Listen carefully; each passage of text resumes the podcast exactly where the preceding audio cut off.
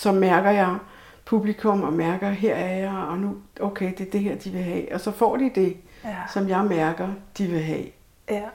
Så det der med at have en øh, 42 sider, som det skal jeg fremlægge det her og sådan noget, det duer sgu Det duer slet ikke. Ej, Nej. det lyder som om, du har godt fast i fiskens intuitive kraft. ja, Ja, ja. Ej, jeg tænker, vi skal tale om det, når nu ingen andre taler om det. ja. Så velkommen til Lyden af et bedre liv, Mona Kjærulf Hansen. Tak. Så du er familiebehandler, psykoterapeut, og så er du altså forfatter til bogen Og ingen taler om det. Ja. Og den er, øh, det er en barsk bog, kan vi godt lige skynde os at sige til lytterne. Men så skal Ja. den være 25 plus eller sådan noget for at læse Ja, med. det vil jeg mene. Ja. Ja, Eller virkelig have hår på brystet. Ikke? Det er det. Det er en barsk bog. Ja. Så kommer ikke til at tale sådan, for det er en roman, den er skrevet som en roman, men kunne man kalde den en selvbiografisk roman? Det kunne man godt kalde den. Ja. ja. Så, så derfor øh, er der masser at tale med dig om, uden at vi decideret taler om øh, fortællingen her. Ja, ja. Mm. nemlig det kan man læse bagefter, hvis man har lyst til det. Men altså, du arbejder jo så med mennesker, som også har været igennem rigtig meget, og bogen handler om nogle af de ting, du har været igennem. Mm-hmm. Så kunne man sige, at du arbejder med recovery. Det kan man godt sige, at jeg gør. Ja, men det gør jeg jo. Altså, fordi de mennesker, jeg kommer i forbindelse med igennem mit arbejde, det er jo mennesker, der står i en situation, hvor de synes, livet er svært at med at gøre. Ja. På den ene eller den anden måde. Enten fordi deres børn viser nogle signaler udad til, som fortæller noget om, at der er noget, der ikke fungerer optimalt. Eller også fordi de selv er, øh, ja, har det svært og ikke rigtig kommer i gang med livet, eller kommer videre, eller sidder fast et sted i livet. Eller... Så ja, det handler meget om recovery, og finde ud af, øhm, hvor kommer det her fra? Hvad handler det om? Hvorfor får jeg det sådan her? Måske hele tiden. Nu sidder jeg her for 8. gang. Jeg forstår det ikke. Så det er jo sådan nogle ting, som, øh, hvor jeg kan komme ind og hjælpe med altså at være lidt detektiv i en familie eller i et menneskes liv og finde ud af, hvad handler det her om? Ja, ja. Og du sagde så før vi startede, at kærligheden altid har et udtryk. Det har så ja. det vil sige, at den kærlighed, vi har lært som børn, det er egentlig det, der kan føre os derhen i de- den situation, som du beskrev der. Og nu sidder jeg her igen, så det er fordi, vi har lært at elske på en bestemt måde, eller... Eller ikke elske. Ja, ja. Altså, eller mm. vi er vokset op måske uden at kærligheden har haft et sundt udtryk. Den har jo altid et udtryk, men det er bare ikke altid, det er et sundt udtryk. Øh, så rigtig ofte så anstrenger jeg mig for at gå på jagt efter kærligheden i dig selv, til dig selv. For det, det er der, vi er nødt til at starte. Fordi vi er født jo som et, med et rent hjerte og en smuk sjæl, det er vi alle sammen. Og derfra, så skal vi lære at finde ud af, hvordan er kærligheden i mig, og hvordan kan jeg få den til at vokse. Fordi hvis du kan det, så er du også i stand til at modtage den fra andre, og give den til andre. Du kan ikke give noget væk, som du ikke selv synes, du har fået. Og hvis du ikke har fået kærlighed i din opvækst, så er det rigtig svært at give det ud. Og så kommer alt muligt andet til at ligne kærlighed. Også overgreb. Mm. Så hvad kunne en usund måde være? At- at- Altså man har lært at elske på en usund måde, eller man har fået kærlighed vist på en ubalanceret måde. Der nu kan mærke, der kommer en liste. Ja, det gør der. Ja. ligesom når man trykker på sådan en øh, på hjemmesiden, ikke? Right, og så kommer sådan en gardin ned med 42 muligheder. Ja, det kunne jeg, det kunne jeg godt lige se i dine øjne. Uh, der var et stort katalog af Ja. ja. Hvad hedder det? så? Kærlighedsløst. Ja, noget kærlighedsløst. Ja, ja. Men som bliver beskrevet, som bliver indpakket som, eller man bare forstår som barn, som øh, når det er forældrene, der giver det, så må det jo være kærlighed. Så det, kan du give et par eksempler? bare? Ja, men altså, øh, i, i, jeg kan i hvert fald tage udgangspunkt jo, i- både i mit eget liv, og også i rigtig mange andre øh, klienter, jeg har haft og sådan noget, så bliver det meget tit præstationen, der bliver, øh, altså når man får at vide, at man er dygtig. Det er sådan en, øh, i pædagogisk verden, jeg er også uddannet pædagog, og i pædagogisk verden, så har man sådan et eksempel, hvor man siger, at moren, der står med et barn, der gynger, og hende, der øh, har, et, øh, har, har øh, forstand, eller hvad skal man sige, så har styr på det med kærligheden, hun siger, ej, hvor ser det sjovt ud, hvor ser det ud, som om du har det sjovt og godt lige nu, Ja. hvor hende, der fokuserer på præstationen, og det er der, du får min kærlighed, hun siger, ej, hvor er du dygtig til at gynge. Ja, det er en klassiker. Det er en ja. klassiker, ikke også? Så det er Mm. der faktisk, at det, altså det er jo sådan meget, og det er der, når man snakker ind i det hos andre mennesker i familier, så bliver de pludselig meget bevidste om, gud, det gør jeg også, eller, mm. nå ja, det er sådan, jeg er vokset op. Og sådan var det sgu også for mig. Hvis jeg var dygtig, så fik jeg noget positiv opmærksomhed, og ellers var jeg sgu ret usynlig i min familie. Ikke? Mm. Så det er de automatiske Det bliver automatisk det der med, at hvis man er dygtig, så, øh, så, så får man noget positiv opmærksomhed, og så bliver det jo til den kærlighed, man, man, man hungrer efter, så man har brug for, alle mennesker har brug for at blive elsket og anerkendt og værdsat. Mm. Det har vi alle sammen behov for. Og hvis ikke vi får det i på en sund måde, så tager vi til takke med det, som, øh, som vi får. Øh, og så er der den der sætning, som hedder, negativ opmærksomhed er bedre end ingen. Ja. Og så bliver det der, vi lander. Ja. Og, og derfra udvikler man så en øh, million overlevelsesstrategier for, hvordan man så kan klare sig i verden, når man nu ikke har lært det der med kærlighed. Altså det kan jeg i hvert fald sagtens se mig i. Ja. Så, men Mona, hvad gør vi så? Ja, hvad gør vi så? hvad gør vi så? Altså jeg ved, du er optaget af netop samtalen om ja. nogle af ja. de her tabuer og traumatiske hændelser. Det er jo også din titel, og ingen taler om det. Altså lad os nu tale om det, fordi mm. det har så stor betydning, ikke? Ja.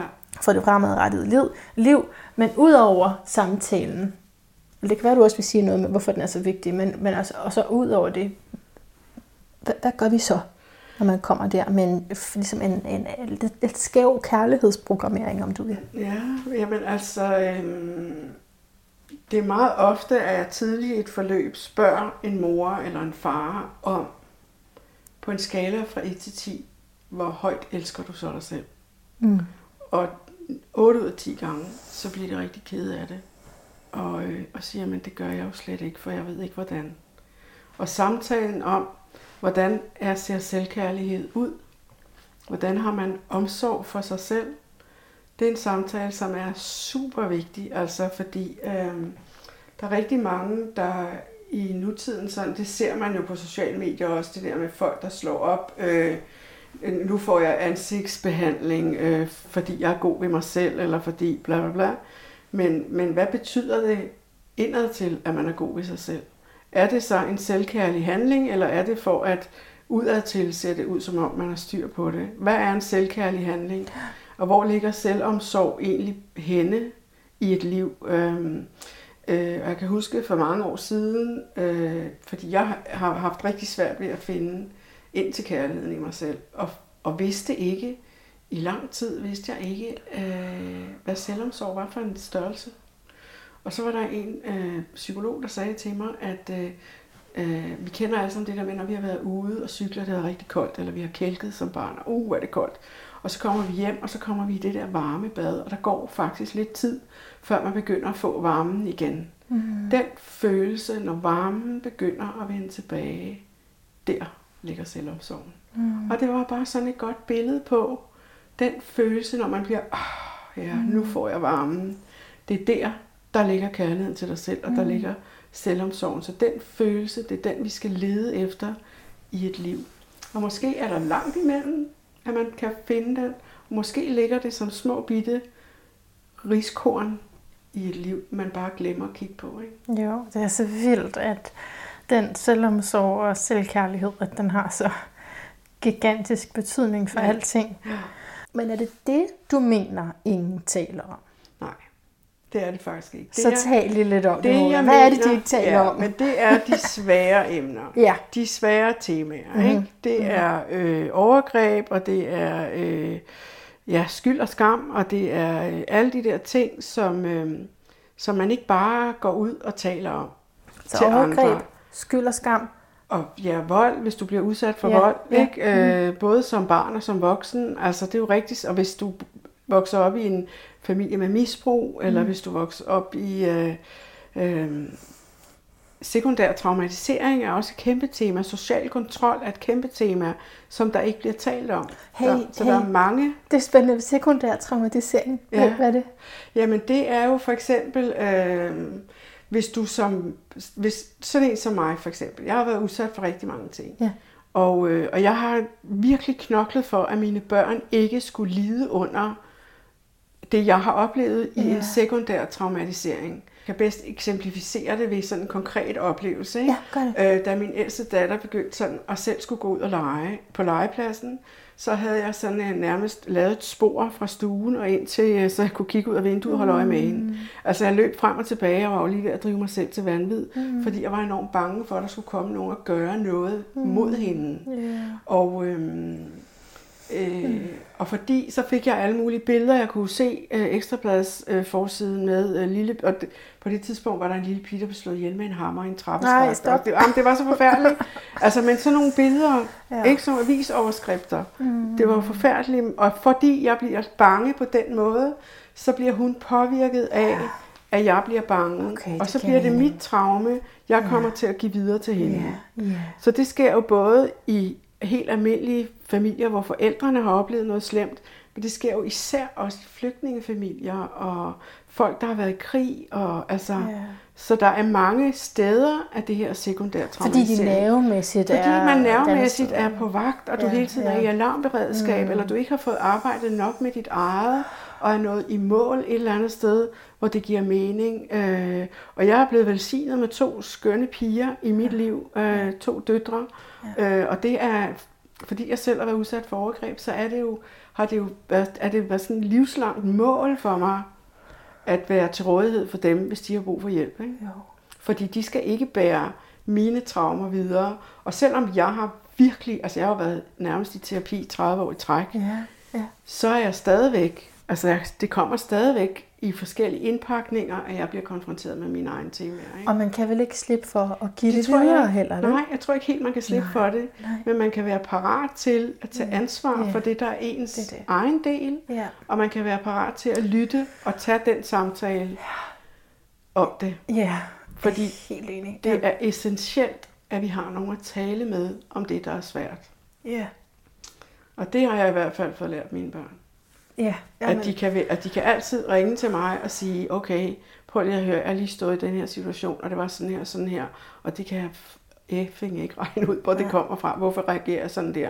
Og så kan jeg præcis sige, jamen det er fordi sådan og sådan, og dengang du var fire år, der skete der det her, og sådan var det, og det var mig, og det var ikke dig, og det kan du roligt lægge på hylden. Det handler ikke om. Altså, og derfor er det vigtigt, at du arbejder som voksen, som forældre, med dine eget temaer, så du præcis kan hjælpe dine børn, også når de bliver voksne, at de kan ringe til dig og sige, okay, nu oplever jeg det her, ja, det kan jeg ikke regne ud selv.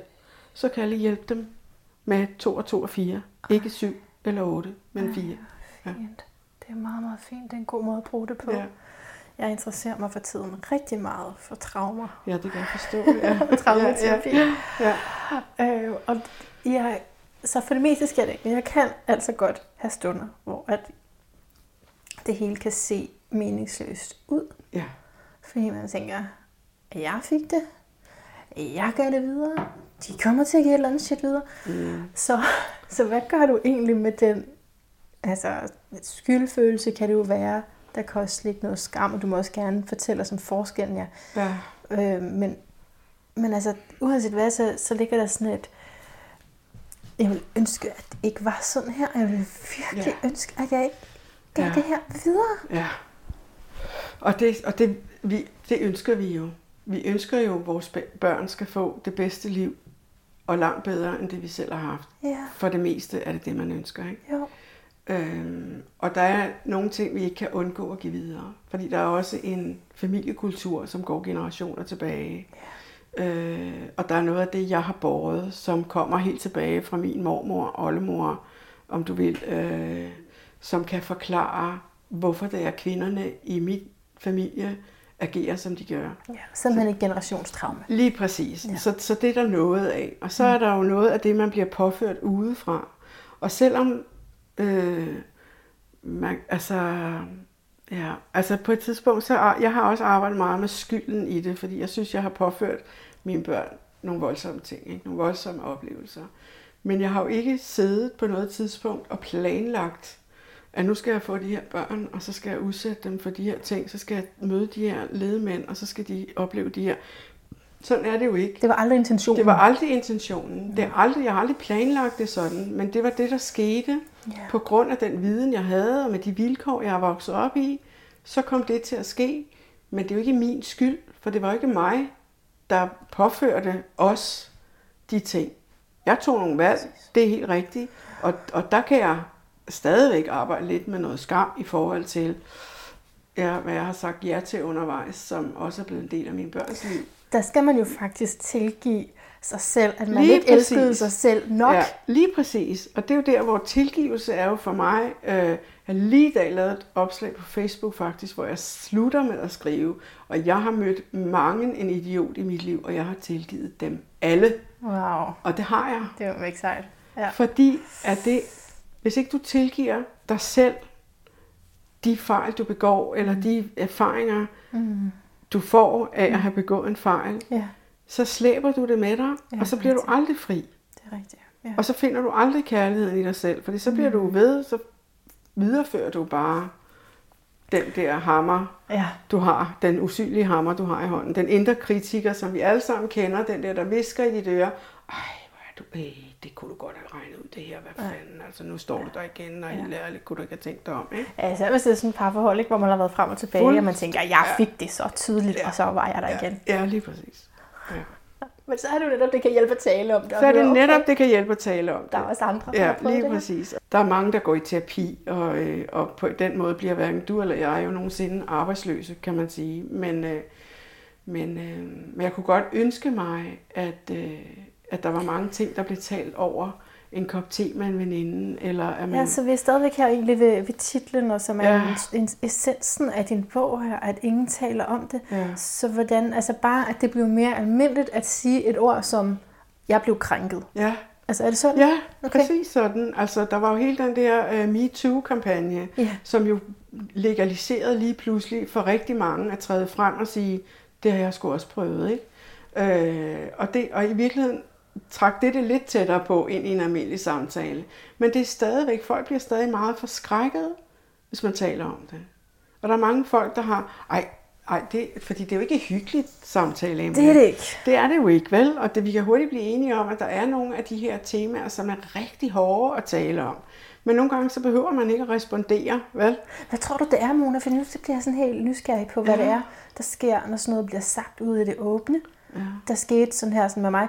Og en ting er jo, hvor man var i godshøjen offeret. Det er ikke fordi, at man er offer på den måde, at man bliver liggende. Ja. der, men at Nej. det var noget, der Ja. gik ud over mig. Øh, og så er der det, hvor man selv gør sig, altså, Ja, nu gentager jeg nogle af de ting, som jeg har lært, ikke? ja. på en uhensigtsmæssig måde. Så hvad, hvad tror du, der sker, når man taler om det højt over i den anden? Det, det, jeg tror, det kommer, altså, dels så kommer det jo meget an på, hvem den anden er, tror ja, jeg. Ja, Fordi der var en klog person, der sagde til mig på et tidspunkt, du møder altid kun dig selv. ja. ja, Ikke? det er rigtigt, ja. Så, når, så det du siger ja. til den anden, dit Ja. udtryk, din måde, er, er det kærlig tone, er det ikke, er der omsorg, er der ikke, det er det du får tilbage. Du får en respons tilbage på det, du sender afsted. Den er meget fin. Ikke? Ja, jo. Så du møder altså kun dig selv. Mm. Ikke? Ja. Så hvis du, altså, altså man kan føre det ned til køen i Netto, ikke? Altså hvis der er en, der kommer til at køre ind i dig med en indkøbsvogn, og du mm. vender dig om og siger, ej, helt ærligt, Mm. jamen så, så kigger det ansigt tilbage på dig med en rynket pande, og, et, øh, og hvis du bare vender dig om og siger, ej, hovsa, ja. og smiler lidt, jamen så får du, øj, det må du undskylde tilbage. Så det er jo bare det der med, at du møder altid kun dig selv. Og det, du sender ud, det er det, du får tilbage. Det er min erfaring i livet. Det er det altså. Men sidder man der på en café med en veninde, og man har måske ikke lige fået delt inden for de sidste par måneder, og der er så lige sket nogle sådan ret voldsomme ting, og så siger mm. man, så dem, kunne, kunne den her veninde eller bekendte person så ligesom også komme til at se negativt på dig? Altså det er vel det? Ja, det er jo skammen i det. Det er jo ligger- der, skammen ja. ligger begravet. Det er jo netop, hvis jeg nu deler det her med dig, Ja, hvordan kigger du så på mig? ja det er Er det. vi så stadig venner bagefter? Ja. Kan du holde til det? Synes du, jeg er en mærkelig person, hvis jeg fortæller dig det her? Og falder jeg i point? Ja, lige præcis. Ryger jeg ned på listen? øh, eller sådan noget, ikke? Oh, Øh, og det er jo hele det der øh, vurderingshalløj, vi også er vokset op i, i den her samtid, vi lever i, med at man skal være på en bestemt måde, man skal se ud på en bestemt... Der er nogle, sådan nogle kriterier, som måske, man måske heller ikke taler om, det ved jeg ikke, men, øh, men det kan jeg godt have det indtryk. Øh, så jeg tænker, at det der med at øve sig på, måske først at tjekke af og sige, at jeg har noget, som det er rigtig svært at tale om, Ja, må jeg dele det med dig. ja. Og, du, og, og, og jeg tænker, altså for mig var det, har det været rigtig vigtigt undervejs i mit liv. Sgu ikke så meget, hvad folk sagde tilbage til mig, men bare det, at de var parat til at lytte til mig, Ja. var nogle gange nok. At der var nogen, der sådan kunne bare sidde og nikke og sige, "Uh, hold da op, ja, det kan jeg sørme godt høre. Ej, mm. det er der også. Altså bare den anerkendelse i, og det vil jeg sige, at efter jeg har sendt min bog ud i verden, mm. og den lander i andre folks hænder, mm. og de tilbagemeldinger, jeg får, som er så fulde af omsorg og omtanke og anerkendelse, jamen, så kan jeg da tænke, det skulle jeg da gjort for mange år siden. Mm. Fordi det, der var for mig, det er jo, at jeg i hele vejen igennem kun ikke har haft nogen at tale med i mit eget liv. Jeg har jo opsøgt hjælp og talt med psykologer og alt muligt, og fået hjælp og uddannet mig for at forstå og det ene og det andet. Men det der med ikke at have en familie at tale med. Ingen har nogensinde spurgt mig, men hvad skete der egentlig? Eller, altså, så det der med, så får man bare sådan en grundlæggende følelse af ensomhed, ikke? Det kan jeg faktisk huske et sted i bogen, hvor faren, eller jeg tror det er faren, der siger, at om du kan tale med os om alt, Ja. og vi er gode til at løse problemer. Altså, det var en familie, Ja, der var ja, gode til at ja. løse problemerne, og vi taler bare om alt. Det sagde de, Ja. men følelser kunne de slet ikke håndtere. Nej. Så der var sådan et øh, diskrepant mellem, hvad han sagde, og hvad der Lige præcis. var. Ikke også? Ja, lige præcis. Og det er jo ikke, der er jo mange familier, hvor det løsningerne står lige for. Ja. Ja. Altså, man kan hurtigt løse et problem. Også hvis du kommer med et problem, som en del af en familie siger, jeg står lige nu i det her, og det er rigtig svært for mig, så kan en familie være hurtig til at sige, Nå, så skal du bare gøre sådan, så skal du bare gøre sådan, så skal du bare gøre sådan, og det er måske slet ikke det, du har brug for. Mm. Så jeg har i hvert fald øvet mig meget i min egen lille familie på at sige, Nå, det kan jeg godt høre lyder svært. Hvad har du brug for? Ja. Fordi det, jeg kan jo have alle mulige idéer om, hvad jeg synes, at de har brug for, men det er jo ikke sikkert, at det er det rigtige. Ja. Og mine børn er blevet virkelig, altså næsten for gode til at sige, øh, ej, gider du godt lige, back off, ikke Ja? Altså, stop. ja, Grænser. det, det, er bare ikke det der, jeg har brug for lige nu, ikke? Nå, ja. det. Og det er jo super fint, altså, Ja. og det er jeg glad for, at de kan, ikke? Ja. Ja. Og altså, du er jo også vandbærer, Det er jeg. og der ved man alt. Ja. Wow! Nej, der kan man i hvert fald have et meget sådan stort overblik, ikke? Ja. Men så har du også rigtig meget fiskeenergi, som, mm. Som kan fornemme den anden på godt og på ondt. Ja. kan fornemme alle andre. Ja. Ja. Altså, så jeg kom til at skrive til dig, at der var meget fisk, og så skrev du, men jeg er vandbærer. ja. Og det er du For også. hvad ved jeg? Og det, er du også rigtig Ja. meget. Ja. Du har rigtig meget vandbærer energi i dig også. Og, og endda med solen i 11. hus. Så, så du har den, altså det her overblik og den her intellektuelle kapacitet. Mm. Ikke? Og altså, for eksempel at skrive bøger og Mm. på den måde øh, have- lyst til at udveksle med alle mulige i forhold til viden. Ja. Men, du, men der er, fordi din, dit karmiske punkt er i fisk, din måne er i fisk, din ascendant er i fisk, og det her 12. hus, så er der også rigtig meget for dig, hvor du har lært om medfølelse. Mm. Ikke? Og Ja. medfølelse, det lærer man tit om, ved at der er noget, der går ondt Ja, det i en Ja, selv, ikke? så man kan mærke det, der går ondt i andre. Ja. Øhm, og så er fisken, jeg, jeg taler utrolig meget om fisken, fordi jeg selv er fisk, tror jeg. Ja. Men den, den kommer tit op, så det er også noget, jeg tit tiltrækker. Men øhm, der er jo en af dens ømme punkter, som er at komme til at lægge sig ned Ja. og sige, jeg kan ikke mere. Ja. De har gjort så meget Ja. imod mig. Ja. Nu er det bare det her, jeg er. Hvad tænker du egentlig om det i forhold til dine klienter og det, du arbejder med, det du selv har været igennem, den her følelse af, jeg er blevet så krænket. Og faktisk kan det også være noget af det der, man er måske er bange for ved at sige de her ting højt, fordi så taler man om sin egen offersituation, offerrolle, Mm. og, og det kan føles øh, ja, ikke særlig bemægtigende. Ja. Ja. Øh, ja, jeg må bare tale derfra det, der kommer, ikke? Mm-hmm. Og det er, at jeg jo i mange år af mit eget liv har ageret som offer. Mm. Ja.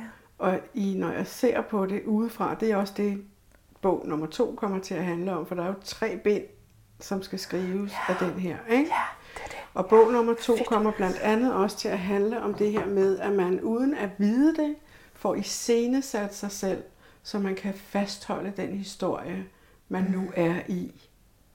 For det er nemmere at blive i det, man kender, Ja. end at flytte sig ud i noget, som er noget helt andet. Ukendt. Ja. Og jeg har ja. været i terapi mange gange. Jeg kan huske, jeg talte med min ældste datter om det for ikke så længe siden. Det der med, at jeg ved, det her kan jeg navigere i. Kaos, ingen følelser, smerte, ensomhed, alt det, det er jeg rigtig god til at navigere i. Hvad nu, hvis jeg ikke længere har nogen problemer? Hvad nu, hvis jeg lige pludselig bliver lykkelig? Hvad nu, hvis det lige pludselig hele tiden går som en leg? Men det skal du lige opklare for mig. så? Det vel ikke bevidst, vel? Det er det jo ikke. I, i, I mange år er det jo ikke. Men da jeg så gik på Psykoterapeutisk Institut og Ja. uddannede mig til terapeut og familiebehandler, så, så gik det op for mig, at, øhm, at det her med at blive i noget, der er velkendt, også forhindrede mig i at flytte mig over i det lyden af det gode liv. Mm. Over i der, hvor jeg faktisk måske kunne have det rigtig godt. Mm. Fordi jeg vidste ikke, hvordan det så ud. Jeg vidste ikke, hvad det ville betyde for mig. Jeg vidste ikke vejen derhen. Jeg vidste ikke, altså, det var ligesom, øh, jeg havde en klient engang, der sagde, men når du siger det der, Mona, så er det ligesom om, foran mig er der sådan en stor hvidt lærred, og jeg ved ikke, hvad for nogle farver jeg skal starte med. Jeg ved ikke, hvordan det skal se ud. Jeg ved ikke, hvad er der derude i alt det hvide landskab, for jeg har aldrig prøvet at være der. Og det var sådan, det var for mig, at jeg pludselig gik op for mig, at jeg bliver, bliver i den her smerte, jeg bliver ved i sætte mig selv i det her, fordi det skræmmer mig helt vildt, hvis jeg ikke længere er den person. Det er så din motivation for det. Men hvad vil det i praksis sige at blive i sin offerrolle? Jamen det vil sige, at øh, selvom øh, for mig vil det sige, for mig betød det, og det sådan tror jeg, det er for mange, det er i hvert fald det, jeg er, er min erfaring, at det her med at lytte til sit hjertes stemme, det har jeg prøvet, jeg har lavet et hashtag, der hedder det, jeg har prøvet virkelig mange år, at øh, få det udbredt, lyt til dit hjertes stemme. Det er det samme som at give den der indre kritiker en ordentlig bejmand, ikke? Og sige, væk med dig. Nu lytter jeg til mit hjertes stemme.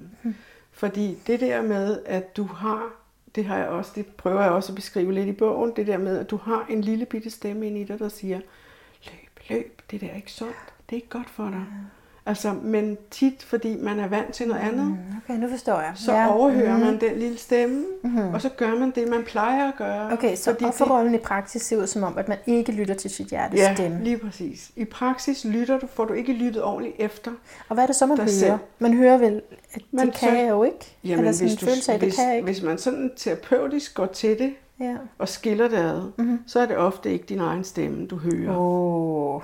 Oh. Men Sig noget mere om det. ja, altså hvis du går ind terapeutisk i det og skiller det ad, så er det jo ofte din mors stemme, eller din fars stemme, eller en eller anden skolelærer, eller en eller anden anden, mm. som i din opvækst eller undervejs har sagt til dig, men helt ærligt, det der, det kan du jo ikke. Mm. Ja. Og bum, så sidder den der, ikke? Altså, øh, nå nej, det kan jeg jo ikke. Men hvis du lytter til dig selv, helt ned i dig selv, så finder du ud af, okay, måske var det ikke rigtigt, det han sagde eller hun sagde dengang. Måske kan jeg godt, ikke? Jeg var syv år gammel, men da jeg til et selskab i min forældres hus, eller min forældres lejlighed, stor herskabslejlighed på Frederiksberg, var der et selskab, og så, øh, jeg er syv år gammel, og så er der en, der siger, hvad skal du så lave, når du bliver stor? Og så siger jeg, jeg skal være forfatter. Med glæde og begejstring, Ej, er siger jeg sej, det. du vidste det. Ja. Syv år gammel. Fedt. Og så står min far der med sine store håndværkerhænder og klapper mig på håret og griner højt mm-hmm. og siger, ja, ja, ja, det er godt med dig. Vi skal nok finde på, at du har noget at falde tilbage på. Så lignende sagde han. Alle og alle, fordi det var jo alle hans ansatte og deres koner, så alle griner. Alle griner af den lille pige, mm. der siger, at hun gerne vil være forfatter, når hun er syv år gammel. Nå. I 30 år mm. har jeg lyttet til det. Mm. Deres stemme. Selvom, og selvom jeg har arbejdet med det, og selvom jeg har let efter min egen stemme, jeg har jo skrevet i mange år, jeg, og til skrivebordsskuffen, og det ligger i alle mulige steder i mit liv, alt hvad jeg har skrevet, men jeg har bare ikke troet på, at jeg kunne det, fordi de grinede af mig, da jeg var syv år gammel. De dræbte min drøm. Men nu har jeg sgu udlevet den, du. Alligevel. Og Ikke? det er jo det, man så finder ud af, Og det er at, det. at der er jo ikke nogen, der kan dræbe din drøm. Nej. Den Men- bliver ved at leve. Men Ikke? du kan komme til at tro på det, du sagde. Ja. og så kan du selv dræbe den. Lige præcis. Lige præcis. Ja. Fordi ved ikke at handle på det, mm. ved ikke at lytte til sit hjertes stemme, mm. for der er der mange, mange gange, at jeg har hørt, altså, eller det der papir, hvor der stod, at jeg ville være forfatter, blev krøllet sammen og smidt i et hjørne, mm. hvor det er kommet frem og blevet foldet ud og glattet ud, og ej, okay, måske kan jeg godt alligevel, ikke? Yeah. Og så har livet været der, og yeah. selviscenesættelsen, og store problemer og små problemer, og yeah. hvor det bare ikke er blevet til mere end, så har jeg haft altså blogs, og jeg har skrevet artikler. Du har, har fået det ud på alle mulige måder. Jeg har fået det ud på alle mulige ja, måder. Men øh, ja. altså, og først allerførste gang, jeg var hos en astrolog, hun sagde også, der er noget med formidling, Mona. ja, det er der vist. Ja, det er der, og det var det, det samme, jeg fik at vide her i vinter. Der er noget med formidling, ikke? Ja, ja. Jo, jo, jo. Og nu har jeg formidlet en hel bog. Ja. Det er der helt klart rigtig, rigtig Så der er noget med det, ikke? Ved du hvad, jeg kommer til at tænke på, øhm, Altså, jeg, jeg er kæmpe stor uh, Lucas Graham-fan. Ja. Kender du ham? Han er også skøn. Ja, han er simpelthen så god. Altså, jeg synes bare, alle hans sange, eller på nær dem, der er også sådan nogle drunk in the morning og shit, mm, mm. I woke up shit, eller sådan noget. Det kan jeg ikke rigtig. Men jeg tror også, jeg tror måske, man kan inddele dem i to kategorier. Men i hvert fald den kategori, hvor han, jeg synes, han beskriver sådan er bare virkelig nogle ting, der rammer dybt ind i mig. Mm. Og jeg kommer lige til at tænke på sådan en sætning der, når vi taler om, hvad man har fået at vide. Ikke? Fra en sang, der hedder Everything That Isn't Me. Ja. Og det er bare sætningen. Bare den sætning er jo... Ja, bare den, ikke også? Altså bare, han siger, um, I can't keep apologizing ja. for everything that isn't me. Lige præcis. Så god sætning. Er den ikke god? Ja, giver så god mening. Oh, ja. Jeg har lige lyttet til en bog øh, af en, der hedder Glennon Doyle, som hedder Love Warrior. Den er, oh, men hvis ikke du har andet at lave en dag, så lyt til den. Det er virkelig, virkelig. Du er nødt til at fortælle noget om den, når jamen, du siger det er, jamen, hun er, jamen, hun skriver jo øh, den her bog. Hun har været bulimiker, hun har været misbrug, og hun har alt muligt. Og bliver gift med en mand, fordi hun bliver gravid. Og, altså, og det hele falder fra hinanden. Og mens hun så, egentlig er det anden halvdel af bogen, der er interessant, fordi mens hun så samler alt det der, så er det hele det der billede af, at hun har været det, alle de andre synes, hun skulle være. Og nu pludselig møder hun sig selv. Ikke? Nu pludselig begynder hun at trække vejret i noget yoga og mærker og møder sig selv.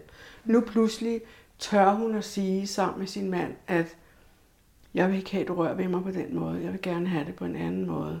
Pludselig bliver det at være sexet for et helt andet betydning for hende, fordi det handler ikke længere om om øh, sort undertøj og lange høje sko. Og, altså, mm. Så det hele det. det der med at forvente tingene på hovedet, det er alt ja. det, der ikke er mig, ja. som kommer udefra. Det er det samme lidt med det der, jeg siger med dit hjertes stemme. Ja. Giv den for pokker noget plads. Lyt til dig selv.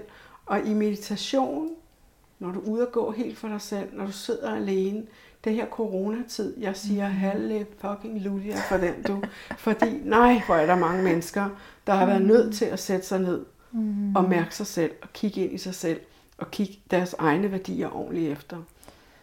Og det er jo også noget af det, som jeg synes er når jeg kommer ud i nogle familier nogle gange, og jeg spørger om, hvad er det for nogle værdier, I gerne vil sende jeres børn det ud i det, verden med? Terapien også kan, ikke? For det, er i hvert fald noget af det, som jeg genkender det fra traumaterapi, med, hvor man siger, at det kan være, at man er en helt anden, fordi man egentlig lever på sine traumer. Ja, så man lever på det, ja, på, lige skal du sige et andet ord for det, altså ens dysfunktionelle ja, mønstre, ikke? Ja, ja. At det er det, man tror, man ja, er. Ja. Og altså sågar, nu nævnte du seksualitet, ikke? at jeg kan tænde på det her. Mm. Men det kan faktisk være Måske også fordi man har været altså blevet ja, traumatiseret ja, ja, på en bestemt præcis. måde. Ja, ja, ja, at det præcis. tænder i. Ja, og, og så er der jo den anden del af det, som er, at øh, altså det der med at skille seksualitet fra kroppen gør det, kroppen gør. Åh, oh, sig noget om det. Jamen altså, øh, hvis du har været udsat for overgreb, så skal man jo forstå, at den ambivalens, der ligger i, at man får kropslig lystfølelse, man får en kropslig reaktion på stimuleringen, der foregår, er ikke det samme som, ah. at så er man seksuelt orienteret i den retning. Mm. Altså, jeg har, lige, jeg har arbejdet med en dreng, en lille dreng, som har været udsat for overgreb, og, øh, og han var så bange for, at han var bøsse. For det, han synes, han kunne godt lide piger, men han var bare rigtig bange for, Mm. At nu var han bøsse, fordi nu var han... Fordi han var blevet stimuleret af en mand. Lige præcis, og hvor jeg sagde til ham, men det er jo bare din krop, der Og gør kroppen, det her. Ja. Kroppen gør det, kroppen mm. gør. Ja, okay. Og det har egentlig ikke noget med, hvem du er at gøre. Nej. Så det er jo også det, altså... Altså, Ja. ja. jeg får lyst til at sige, hvis folk vidste, hvad jeg har sagt ja til i tidens løb, for at slippe for tæsk, eller for at slippe for nogle andre værre overgreb. Bare fordi jeg har det der med, at jeg har kunne sådan, jeg har jo så kunne adskille mig, dissociere faktisk Ja, det- fra mig selv, fordi jeg har været udsat for så voldsomme overgreb. Ikke? Så jeg har sådan kunne hænge op i et hjørne af et lokale og kigge ned på, om de låner bare hylster. Og det er jo også en måde at overleve på, fordi min krop gør det, kroppen skal, når den bliver stimuleret. Mm. Det er jo det er en vandbærer kvalifikation. Ja, ja.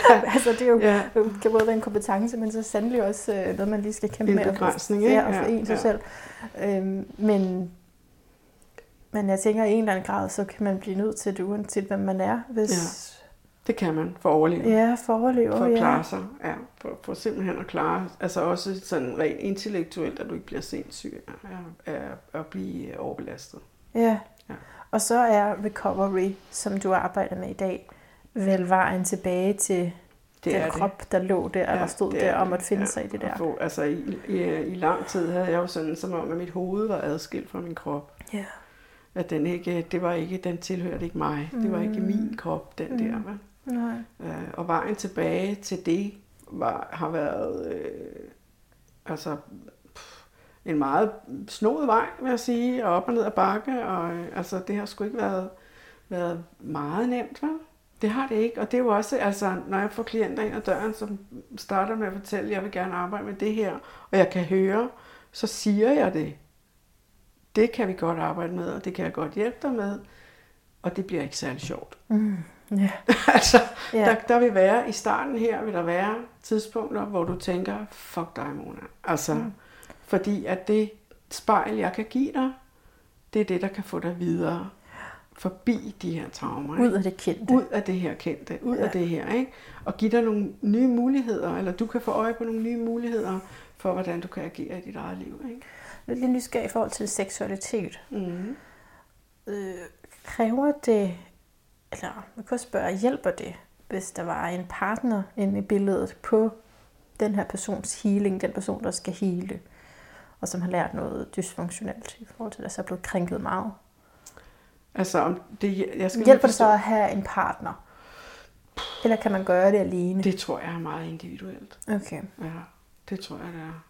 Fordi at øh, for nogen opstår der jo sådan en overlevelsesmekanisme, som er en mekanisme, der lige så snart vi nærmer os noget, der minder om noget, der kunne komme til at blive noget sex, der skal foregå senere, så starter den her mekanisme, og så er jeg ikke til stede.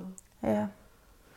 Så det kommer lidt an på dels, hvor, hvor traumatiseret er du, Mm. Øh, og ikke fordi jeg synes ikke egentlig, man kan gradbøje på den måde overgreb, men der er jo forskel på at have fået et klap i røven af onkel. Ole til en, Jo. en frokost, Klart. eller at rent faktisk være, være, altså være nøgen og være blevet udsat for overgreb. Altså seksuelt, ja lige præcis. Ja, Ikke? ja, ja. Så, så på den måde er der jo en, en gradbøjning. Ikke? Oh, helt Ja. sikkert. Så det, så det er meget individuelt, tror jeg, om det er hjælpsomt eller ikke hjælpsomt. Okay. Og, og jeg tror for nogen, at kan det også være nødvendigt at sige, jeg skal slet ikke dyrke sex de næste fire år, indtil jeg er Ja. kommet igennem det her. Ja, det kan man også Ja. ja. forestille sig. Ja. Okay, men så samtalen Samtale. er en vigtig del af, Så vigtig del. af at komme sig, recovery, ja, ja, at komme ja, sig. Også i, i, også i et forhold. Hvis du så har en sexpartner, så er det den samtale, som for en, der har været udsat for overgreb, er svær at have, er jo, hvad kan jeg godt, hvordan vil jeg gerne have, mit sexliv ser ud? Mm.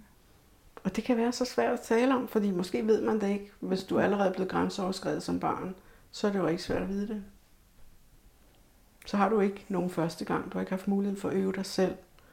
Der er ikke noget første kys. Der er ikke noget... Alt er ligesom... Det har krænkeren taget fra dig. Ikke? Mm. Ja.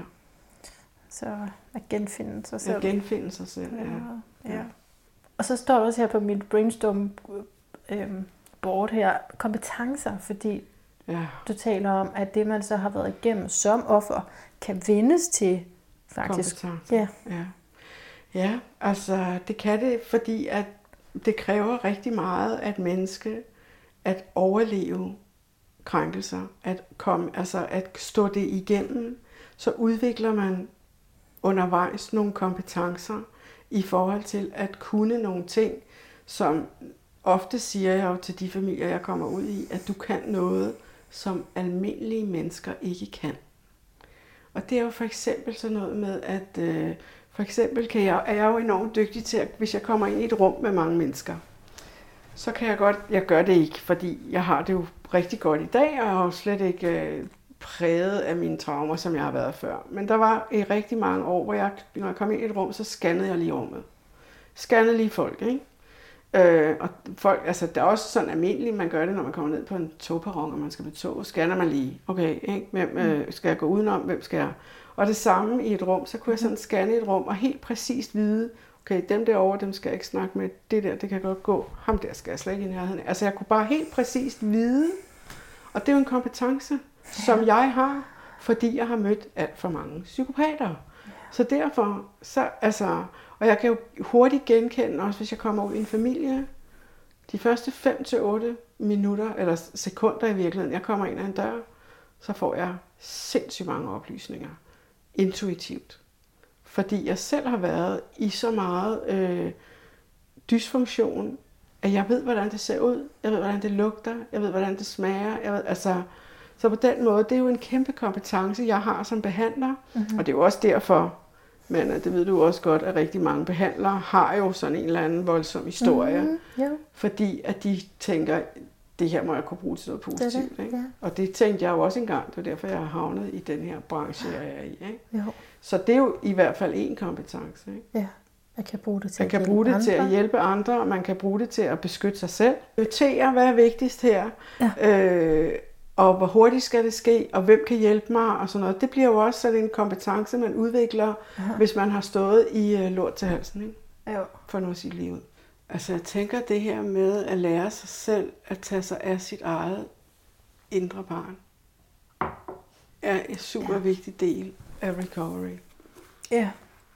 Det der med, at øh, altså jeg kan huske en gang var en, der sagde til mig, at øh, når du sidder i bilen og kører afsted, Mona, så har dig selv siddende ved siden af på det andet sæde, mm. når du sidder alene i bilen, som den alder, du nu synes er passende, den stemning, du er i den dag. Og så det der med, at man lige rækker over og lige klapper sådan et barn mm. på benet og lige siger, det skal nok gå, jeg skal nok passe på dig. I got this, jeg, jeg skal have styr på det, du behøver ikke være bange mere. Mm. Hvis man gør det hver dag, bare den lille ting, kan være med til, at du får givet dig hele dig selv, dit eget indre barn, alle de slag, du tog som lille, uden at du havde mulighed for at sige nej, eller stop, eller altså, det kan bare være så vigtig en lille bitte ting, ikke? Og så vender du det kærlighedsløse Så vender udtryk. det kærlighedsløse udtryk til et kærligt udtryk fra mig selv til mig selv. Jeg har lyst til at spørge om et stort spørgsmål, men altså, hvad er kærlighed for dig? Ja, det er et stort spørgsmål. Ja. Ja, men kærlighed for mig er altid at møde mennesker med et åbent hjerte og en ærlig sjæl. Det tror jeg, at det er, det anstrenger jeg mig selv for at gøre. Også selvom, øh, at det er mennesker, som har en, en helt anden holdning end mig. Eller at det er, altså, det der med at være kærlig i alle sammenhænge, både over for andre, men også over for mig selv. Først og fremmest over for dig selv? Først og fremmest mm. over for dig selv. For ellers, mm. altså det, som jeg sagde tidligere, det du ikke har lært eller har i dig selv, det er svært at give videre. Mm. Kan heller ikke give 20 kroner til nogen, hvis du ikke har dem. Nej. Og det er det samme med kærlighed. Hvis ikke du har kærlighed til dig selv, i dig selv, så er det rigtig svært at give det videre. Så det tror jeg, at det, at det der med først og fremmest at tage sig af sig selv og være kærlig over for sig selv. Og så kan man sige, dybest set, altså den der, det som man som med et fint ord kalder mentaliseringsevne, det der med at vide, men hvis jeg er på den her måde over for dig, så får du det på sådan en her måde. Det ved jeg, jeg ved jo godt, at hvis jeg lige læner mig frem og stikker dig en flad, så bliver du ked af det, og så sker der noget andet. Men hvis jeg læner mig frem og kysser dig på kinden og siger, hold kæft, hvor er du et fantastisk menneske, så får du det bedre. Så hele det der, det ved vi jo alle sammen godt. Så opfør dig ordentligt. Altså helt mm. basalt. Kærlighed er også opfør dig ordentligt. Vær et anstændigt menneske. Anstreng dig mm. for at være det. Så, så der ligger også at antydning om, at der er nogen, der er nødt til at anstrenge sig mere, fordi de ikke har lært Lige præcis. Og hvis du ikke har lært det, så må du øve dig. Mm. Det er lidt ligesom det. Alle vil jo gerne have kærlighed. Ja. Alle vil gerne have kærlighed. Der er jo ikke nogen, der siger, at det vil jeg ikke have. Nej, fy. Altså, det er der ikke nogen, der siger. Alle vil jo gerne have kærlighed. Og hvis du ikke er god til det, så må du øve dig. Ja. Så må du simpelthen øve dig. Så må du læse op på det. Og øh, ja, øve dig sammen med dem, der er tæt på dig. Måske endda en veninde. Sige til en veninde, vil du være simpelthen opdaget om mig selv. Er jeg ikke så god til det der med at forstå min kærlighed til mig selv, mm. i mig selv. Det er jo også en svær samtale at have. Så skal man jo ture indrømme, at det er man ikke god til. Og, ja, altså, og man, det er jo ikke populært i det samfund, der er blevet man skal, skabt. Man skal jo ture også at indrømme, og, altså, at veninden ikke, altså hun kan hjælpe dig til at elske dig selv, hun kan ikke gøre det for dig. Nej, lige præcis. Lige præcis, men hun kan være et spejl. Ja. Sådan, så når du kommer til ikke at elske dig selv, eller handle imod dig selv på en eller anden måde, så kan hun være oh, den ja. veninde, der siger, oh, okay, det synes jeg, jeg synes måske ikke, du skal sige sådan om dig selv. Det er jo ikke særlig kærligt. Okay, men se, nu er jeg lige ude i sådan et, det er sådan både et minde og et tænkt eksempel i et, ikke? Ja. Men altså, fordi, så vi skal blive bedre til at sige de her nogle tabuer og mm, det her, det er mm, sket for mig. De store det her, ting. Ja, ja, det, her, det har jeg, mm. er jeg kommet til at gøre. Ja. Og hvis veninden så siger, men, og prøver at være det her spejl, og så siger, jamen, øh, det er, da ikke, det er da ikke særlig smart over for dig selv, så kan det jo over for mig, der siger det, også føles som en dom. Hvis jeg ikke forstår det.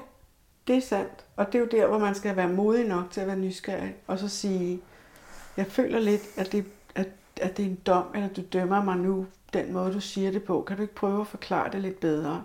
Mit hjerte forstår ikke, hvad du siger. Åh, oh, det var nogle gode sætninger at bruge. Ja. Ikke? Jo. Fordi det kan godt være, at mit hoved forstår ordene, men det når ikke ned i mit hjerte, fordi jeg synes, jeg føler, det jeg mærker er, at jeg bliver fordømt.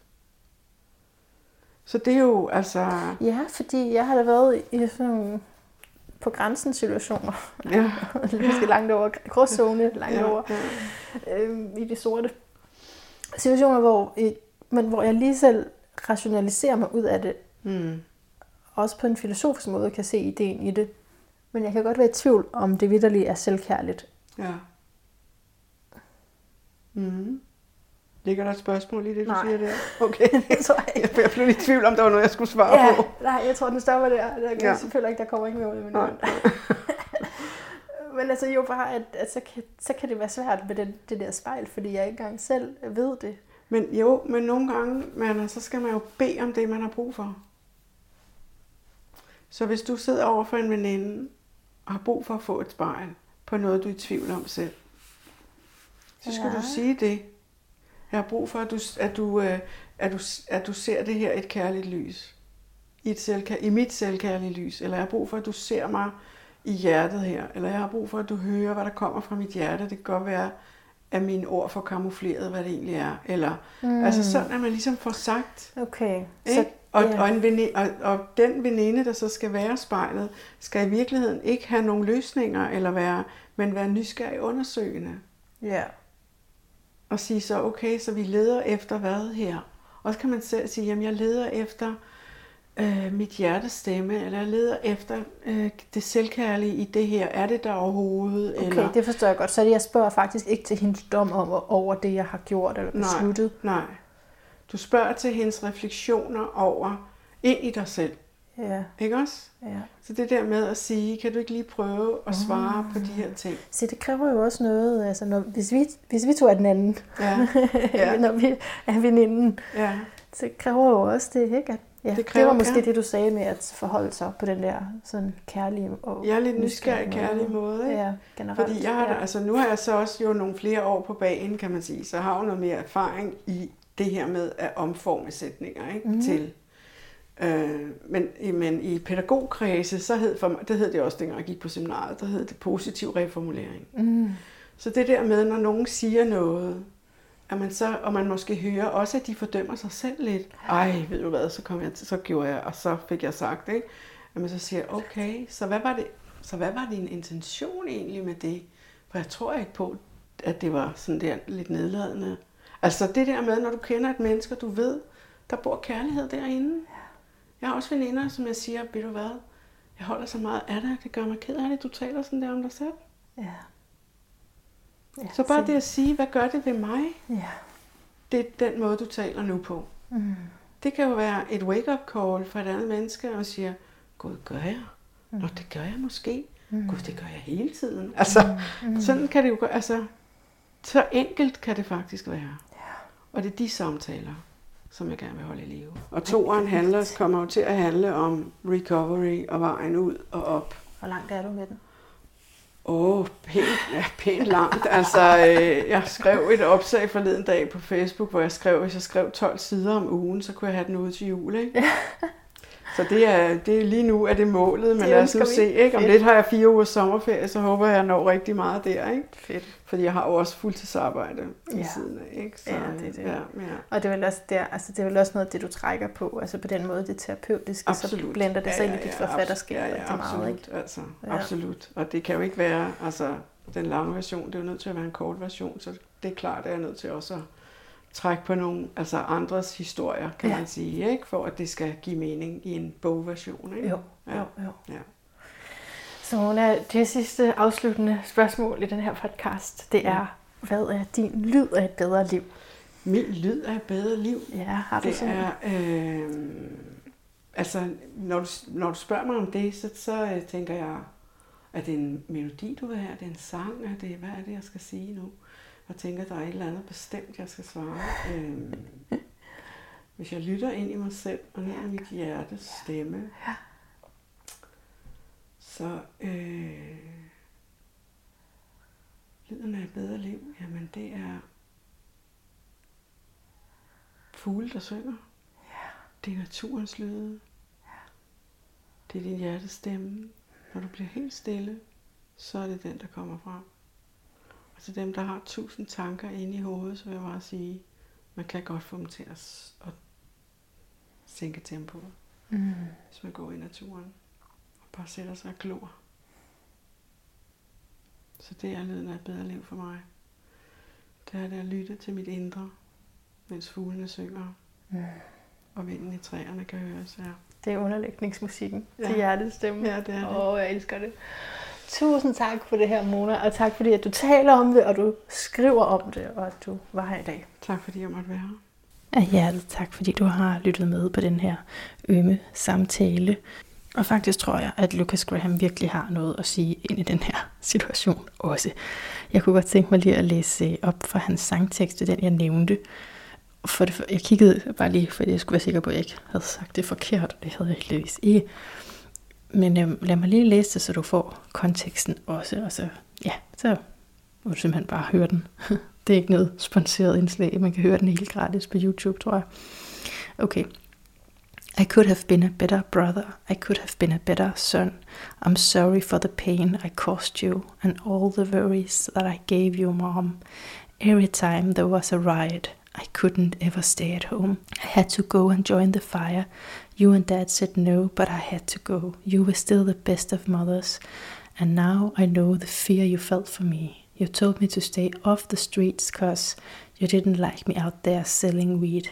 I don't regret the things I've done. They made me what I am, you see. I can't apologize forever for everything that isn't me. I could have been a better brother. I could have been a better friend. I hope you know how much I love you, and if you don't, I really understand. I used to be so bloody selfish. I tried to make it to the top, you see. The only thing I didn't get is you've always given me the help I need. I should have been a better brother. It's easy now to see it clear. I'm sorry that I hurt you all, and I'm sorry that I caused you so many tears. I could apologize forever for everything I couldn't be. I can't apologize forever for everything that isn't me. I could have been a better lover. I could have been a better man. I'm so sorry that I work so much and the fact that I never really have a plan. I'm sorry. Oh, I'm so sorry that it's so hard to say this word. And even with all the things we've been through, sometimes I think that I will never learn. I could have been a better lover. I could have been a better man. I'm gonna be a better father. Hell, I'm doing everything I can. Ja, yeah, it gets me every time.